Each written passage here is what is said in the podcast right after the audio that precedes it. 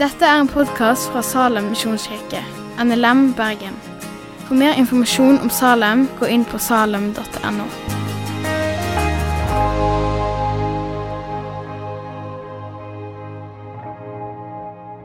representerer flere, og, han, og de kan også representere i positiv eller negativ forstand. Og det er litt viktig, for det finner vi begge deler av i Bibelen. Og Jeg skal gå gjennom tre stedfortredelser fra Bibelen i dag. Og Den første det er en sånn negativ stedfortredelse, hvis vi skal kalle det det. Det er helt i begynnelsen. første vi finner, Adam. Han var eh, overhodet for menneskene. Han var stedfortreder for hele menneskeheten. Det han gjorde, det ville få konsekvens for alle hans etterkommere. Og Det er egentlig samme prinsippet vi ennå har i dag. Det våre foreldre gjør, har konsekvens for oss. Og vi kaller det, Du kan få det i form av arv. Eh, og arv kan være positiv. Du kan arve penger og hus og andre ting, men du kan òg arve gjeld. Så dette prinsippet det er et prinsipp som fremdeles gjelder. Fordi du er en etterkommer, så arver du av dine foreldre. Og Sånn var det med Adam, men på et helt annet nivå. På et større nivå. Og Det vi skulle arve ifra han, det var om vi skulle leve eller dø. For Gud ga Adam et bud, og det var 'ikke spis av treet til kunnskap om godt og ondt'. Og Hvis Adam hadde holdt det budet, så hadde vi kanskje vært fornøyd med stedfortredelsen hans. Da hadde vi fremdeles vært i Edens hage i dag. Men som vi vet, så gjorde han ikke det, og dermed var straffen døden. Gud sa når du gjør det, så skal du sannelig dø. Og Det er ikke fordi Adam var en særdeles dårlig representant eller stedfortreder. Hadde vi vært i hans sted, så hadde vi sannsynligvis ikke klart det noe bedre. Men denne døden som han fikk beskjed om I Bibelen så leser vi om ulike typer død. Eh, vi finner en fysisk død, en åndelig død og en evig død. Og I Efeserne 2 så forstår vi at den døden som ramma Adam, det var en fysisk og en åndelig. Han døde åndelig med en gang de gjorde synden, og derfor måtte de skilles ad fra Gud og gå ut av hagen. Og Fra den dagen så begynte de å dø fysisk, og ville etter hvert dø fysisk helt. Og fordi han er vår stedfortreder, så arver vi som hans etterkommere denne døden. Vi blir født åndelig døde når vi kommer inn i denne verden, og vi vil etter hvert dø, og fysisk. Så Det betyr at Eh, barn som blir født Når vi er født, så er vi ikke født nøytrale. Eh, Adam han var syndfri når han ble skapt, mens vi, når vi kommer til verden, så er vi født åndelig døde. Vi er født som syndere allerede. Vi arver denne negative arven ifra Adam. Og den kaller vi for arvesynden. Vi kan ta og lese et par vers eh, om det. Første i Salme 51. Se, jeg er født i misgjerning, og min mor har unnfanget meg i synd. Og i Jobbs bok kunne det bare komme en ren av en uren, ikke én. Og kan vi lese Efeserne 2,3.: Også vi vandret alle blant dem i vårt skjøds lyster, og vi gjorde skjødets tanker, skjødets og tankens vilje. Vi var av naturen vredens barn, like som de andre. Dette med arvesønn har jo vært diskutert opp gjennom tidene, og fremdeles så blir det diskutert. Og Mange mener at det er urettferdig, eller at det ikke står i Bibelen. Nå har vi jo nettopp lest noen vers som går på det. Men det som er litt interessant, er at alle argumentene Når du argumenterer mot arvesønn, så ender du òg opp med en teologi som lærer frelse ved gjerninger på, i en eller annen form. Og Det er fordi Adam sin stedfortredelse og Jesus sin stedfortredelse de henger sammen. Så fjerner du den ene, så får det konsekvens for den andre. Og Vi skal komme litt tilbake til det etterpå. Men før vi ser på Jesus stedfortredelse, så kan vi stoppe litt opp med Adam sin synd.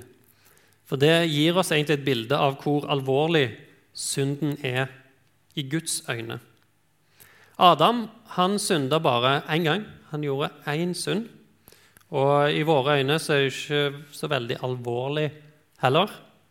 Han tok en frukt han ikke skulle tatt. Han hadde aldri synda før. Han hadde et rent rulleblad. Men konsekvensene var jo helt enorme. Hele menneskeheten ble utvist fra Edens hage. Adam og Eva de døde åndelig, og alle deres etterkommere ble født åndelig døde. Og de begynte å dø fysisk. De fikk fysiske plager, sykdommer, skrøpelighet. Det ble urettferdighet i verden. Hele skaperverket ble påvirka. Det står i Romerne 8,22.: For vi vet at hele skapningen til denne stund sukker sammen og stømner sammen som i veer.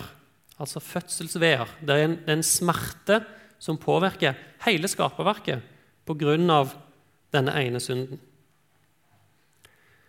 Og når Gud reagerer så massivt mot den synden, så kan vi jo tenke hvor alvorlig vår situasjon egentlig er. Altså Synd er en såpass vanesak for oss at det er ikke sikkert vi får dårlig samvittighet lenger. I hvert fall ikke ting du har gjort lenge. Men hvis vi bare hadde sett litt av alvoret, så hadde vi nok eh, Sånn som du leser om av og til i Bibelen når folk innser syndeskylden sin. De dekker seg med sekk og aske og, og legger seg ned på jorden, nærmest prøver å grave seg ned under jorda fordi de kjenner på denne skammen. Både for medmennesker, men òg for Gud. Men når vi blir konfrontert med syndene våre, så har vi noen sånn autoforsvarsmekanismer. Og det er nok en del av naturen vår som mennesker. Den ene er at vi kan prøve å forsvare syndene våre, gjøre kravene mindre alvorlige. Så noen løgner er ok, men ikke, ikke de som de andre forteller. Eller så kan vi prøve å legge skylden på andre, sånn som Adam gjorde på Eva, og Eva videre på slangen. Eller så har vi lett å trekke fram alle de gode tingene vi har gjort, eller alle de gangene vi ikke synda. Og den siste der er jo litt morsom, for den er jo litt som å bli stoppa av politiet for du har kjørt på rødt. Og så begynner du å snakke om ja, men jeg har jo kjørt på grønt alle de andre gangene. Men det spiller ingen rolle. Kjører du på rødt lys én gang, så er du en lovbryter. Og Sånn er det med synd òg. Det spiller ingen rolle hvor mange ganger du gjør gode ting. Synder du én gang, så er du en lovbryter. Og da står du skyldig. Og det fikk Adam oppleve. Den synden hadde store konsekvenser. Og det må det være, for Gud er god. Derfor må han hate synden. Ellers hadde han ikke vært en god gud. Men samtidig så er Gud nådig. Og det første som skjer etter at Adam og Eva blir kasta ut av Edens hage, eller før de blir kasta ut, faktisk, så forkynner Gud evangeliet til dem. I 1. Mosebok 3,15 så sier han «Jeg vil sette fiendskap mellom deg og der snakker han til slangen, mellom deg og kvinnen, mellom din ett og hennes ett. Han skal knuse ditt hode, og du skal knuse hans hæl. Dette løftet det er det resten av Bibelen handler om. Denne kampen mellom Messias fra kvinnens ett og slangen eller djevelen og hans ett. Og Her står det jo at han som skal knuse hodet til slangen, han skal komme av kvinnens ett. Altså han skal være et menneske. Men da har vi et problem. Fordi Adam som stedfortreder for alle mennesker. Han eh, påvirker jo sine etterkommere, så det vil si at mennesker som kommer av Adams ett, er født åndelig døde. Og hvordan kan en åndelig død kjempe og vinne en åndelig kamp? Og det tar oss inn på denne andre stedfortredelsen, nemlig Jesu stedfortredelse. Fordi Nå er det jo en stund siden jul, men det, den historien kjenner vi godt. At det var en jomfrufødsel. Det var en spesiell fødsel. Engelen Gabriel kom og sa at Maria skulle bli gravid gjennom Den hellige ånd. Og Her så forstår vi hvorfor det var nødvendig. Både fordi det var en inkarnasjon, altså Gud skulle bli menneske. Det er et mirakel i seg sjøl. Men det var òg for å unngå arvesynden. Han måtte være av kvinnens ett, men han kunne ikke være med synd hvis han skulle vinne denne kampen. Og Derfor blir Jesus ofte kalt den andre Adam. Altså Han skal gjøre samme, han skal gå gjennom det samme som Adam gjorde, men denne gangen så skal han lykkes. Og Adam ble skapt uten synd. Derfor måtte Jesus, når han kom som en ny stedfortreder, òg være uten synd. Og Vi kan av og til si at det er menneskelig å synde, men det stemmer egentlig ikke. Mennesket ble opprinnelig skapt uten synd. Vi kan lese et par vers i Hebreerbrevet, Hebreerne 2, 17. Her er det snakk om Jesus. Derfor måtte han i alle ting bli sine brødre lik, for at han kunne bli en miskunnelig og trofast ypperste prest for Gud til å sone folkets synder. Så han måtte bli helt lik oss, men med én forskjell. og Den kan vi lese i Hebreerne 4, 15.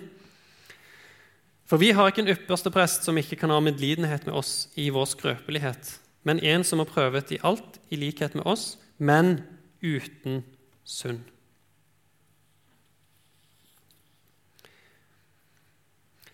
Jeg nevnte jo dette med at Adam og Jesu stedfortredelse de er knytta sammen. Og Teksten som utbroderer dette grundig i Bibelen, den finner vi i Romerne kapittel 5. Vi skal ikke lese hele kapittelet. Hvis det er noen som har med Bibelen, eller et eller annet, så kan dere slå opp der. Her argumenterer Paulus veldig mye av typen 'som den ene, så den andre', mot med Adam og Jesus. På den ene sida sånn, på den andre sida sånn.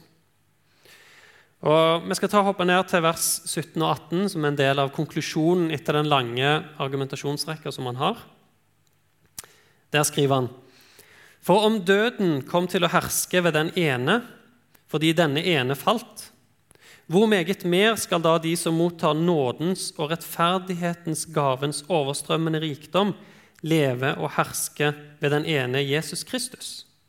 Altså, Like som én manns overtredelse ble til fordømmelse for alle mennesker, slik blir også en manns rettferdige gjerning til livsens rettferdiggjørelse for alle mennesker. Så Her bruker kanskje Paulus litt sånn kompliserte ord.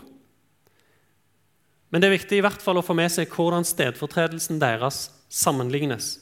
Den ene brakte synd og død inn i verden ved sin gjerning. Men den andre bringer nåde og liv ved sin gjerning. Og Vi kan se litt på den gjerningen, denne rettferdighetens gjerning, som Jesus gjorde. Det er en ting som Jesus gjør, som på en måte opphever Adam sin synd. Og Hvis jeg hadde spurt eh, til og med på søndagsskolen hva de hadde trodd det var, så hadde sikkert de fleste sagt 'Jesus som døde på korset'. Og det er Selvfølgelig helt riktig. Men så kan vi spørre oss men er det egentlig rettferdig? Det blir kalt en rettferdighetens gjerning. Hvis noen er dømt til døden, er det rettferdig at noen andre blir drept istedenfor? Det er jo egentlig ikke det. Så hvordan kan det da være rettferdig at Jesus dør i vårt sted?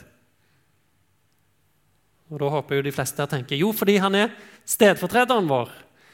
Og Det er kun derfor at det kan være rettferdig. Du kan ikke bare ta hvem som helst og ta livet av dem hvis noen har dødsstraff. Men en stedfortreder kan gå inn og gjøre noe i en annen sin plass. Og Her får vi da den forståelsen at hvis Adam ikke var vår stedfortreder, men bare var for et dårlig forbilde, så betyr det at Jesus heller ikke er en stedfortreder, men han er bare et godt forbilde. Og Da blir det opp til hvem, hvilket forbilde du følger mest.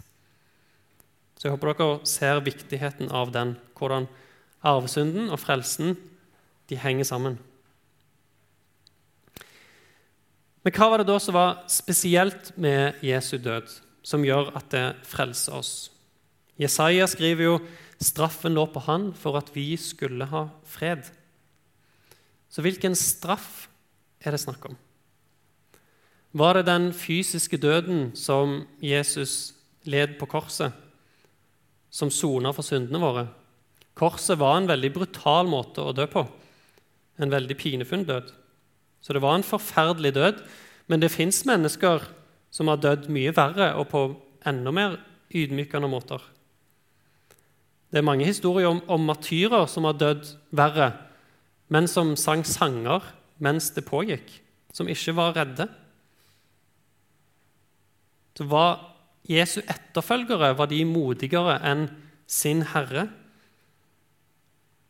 Han som svetta blod i hagen fordi han var dødsredd, bokstavelig talt. Vi kan lese i Matteus 26 om eh, Jesus når han ber i Getsemane, hva han sier der.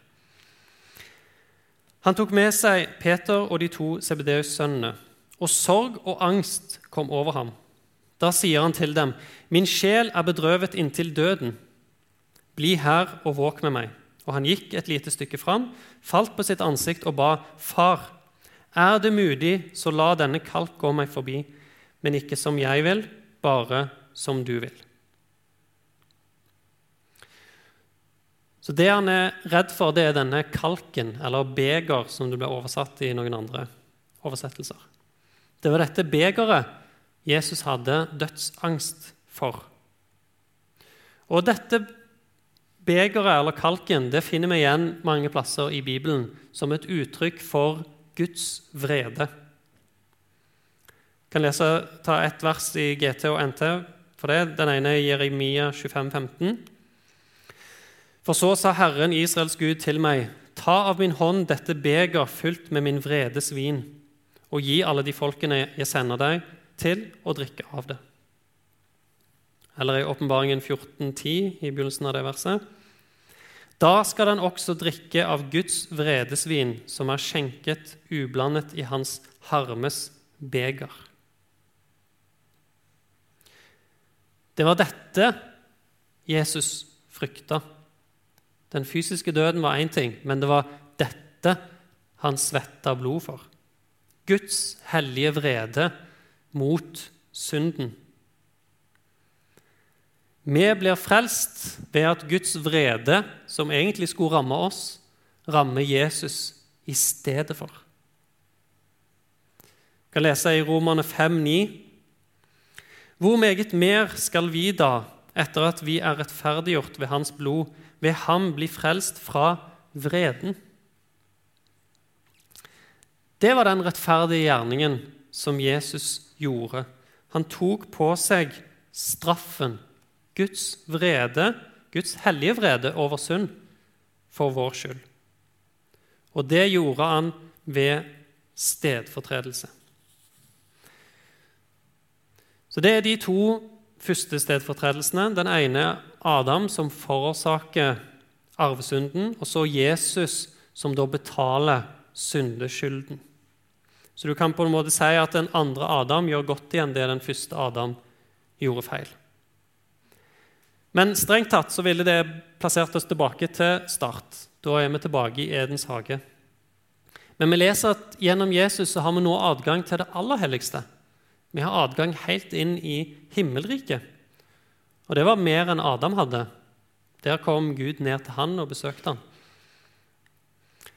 Og det fører oss inn på den tredje stedfortredelsen som jeg skulle snakke om. Og Det er òg Jesu stedfortredelse. Hvis vi leser et vers videre i Romerne 5, vers 19 For like som de mange kom til å stå som syndere ved det ene menneskets ulydighet, så skal også de mange stå som rettferdige ved den enes lydighet. For det er ikke nok å bare ikke synde. Altså, det er ikke nok å bare ikke gjøre galt. Guds lov den krever òg fullstendig lydighet, en oppfyllelse. Altså ikke bare at du ikke gjør noe dumt, men at du faktisk må gjøre alt det gode. Jesus sier 'vær fullkomne, liksom deres himmelske Far er fullkommen'. Så han tok ikke bare straffen i vårt sted, men han gjorde òg den positive oppfyllelsen. Han oppfylte Guds lov i vårt sted. I Matteus 5, 17 så sier han dere må ikke tro at jeg er kommet for å oppheve loven eller profetene. Jeg er ikke kommet for å oppheve, men for å oppfylle. Jesus han utfordra mange ganger gjennom livet sitt om noen kunne dømme han for synder. Men de fant aldri noen, for han synda aldri. Jesus gikk òg ut i ørkenen for å bli frista av djevelen tre ganger. Adam ble frista én gang, og det var til og med indirekte. Men likevel så synda han ikke. Der den første Adam falt, der falt ikke den andre Adam, men han var lydig. Og Det er egentlig ganske utrolig å tenke på at han i løpet av 33 år aldri synda en eneste gang, men faktisk alltid gjorde det rette. Han løy aldri. Han sa aldri noe han ikke skulle sagt. Han gjorde aldri noe han ikke skulle gjort. Han tenkte ikke engang noe han ikke skulle tenkt. Han tok aldri noe som ikke tilhørte han. Han hedra sin far og sin mor hver dag gjennom hele livet. Han baksnakka aldri noen, ble aldri sint uten grunn. Han hadde ikke en eneste syndig tanke eller følelse i løpet av hele sitt liv. Og På den positive sida betyr det at han òg elska Gud, og han elska sin neste som seg sjøl. Han gjorde alt til ære for Gud, og han elska han av hele sitt hjerte, hele sin sjel, all sin kraft og all sin forstand. I alle ting så gjorde han Guds vilje. Alltid. Han brøt ikke et eneste bud, men han holdt de alle til punkt og prikke og oppfylte hele loven fullkomment. Det er helt utrolig når du begynner å tenke på det konkret. Og automatisk så tenker vi at det er jo helt umulig.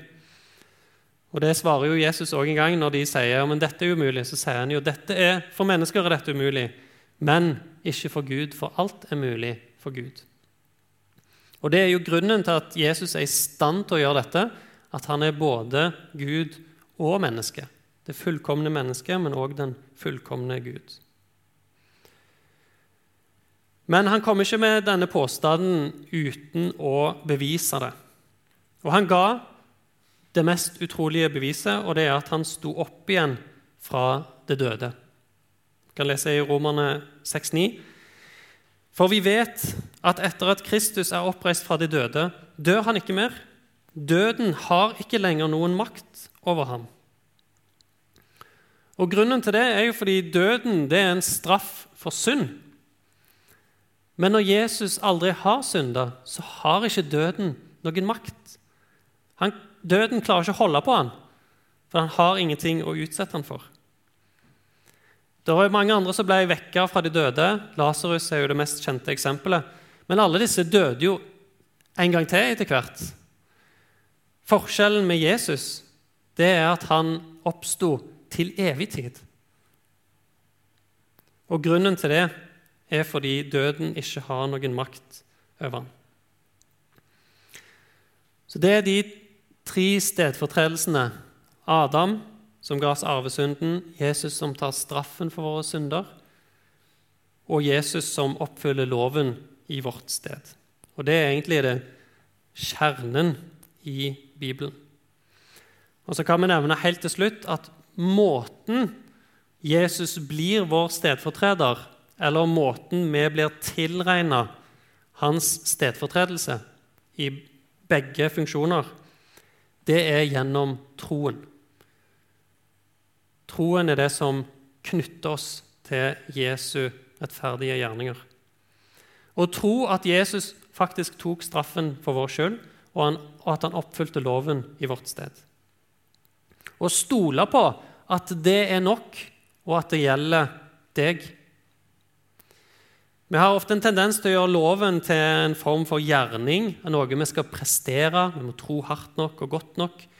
Men troen det er ikke noe annet enn å stole på at Jesus har prestert for deg som din stedfortreder. Vi kan lese Romerne 6,23 helt til slutt. For syndens lønn er døden, men Guds nådegave er evig liv i Kristus Jesus, vår Herre. Og Så skal vi få lov til å motta nattverden nå. Og det òg kan være en fin plass. Og hvis dette med tro er vanskelig å få tak på, at det ikke er noe konkret, så er nattverden et nådemiddel der vi konkret kan få Guds nåde i tro. Amen. Takk for at du har hørt på podkasten fra Salem, Bergen. I Salem vil vi vinne, bevare, utruste og sende, til Guds ære. Vi ønsker å se mennesker finne fellesskap, møte Jesus og bli disippelgjort her i Bergen og i resten av verden. Vil du vite mer om oss, gå inn på salem.no.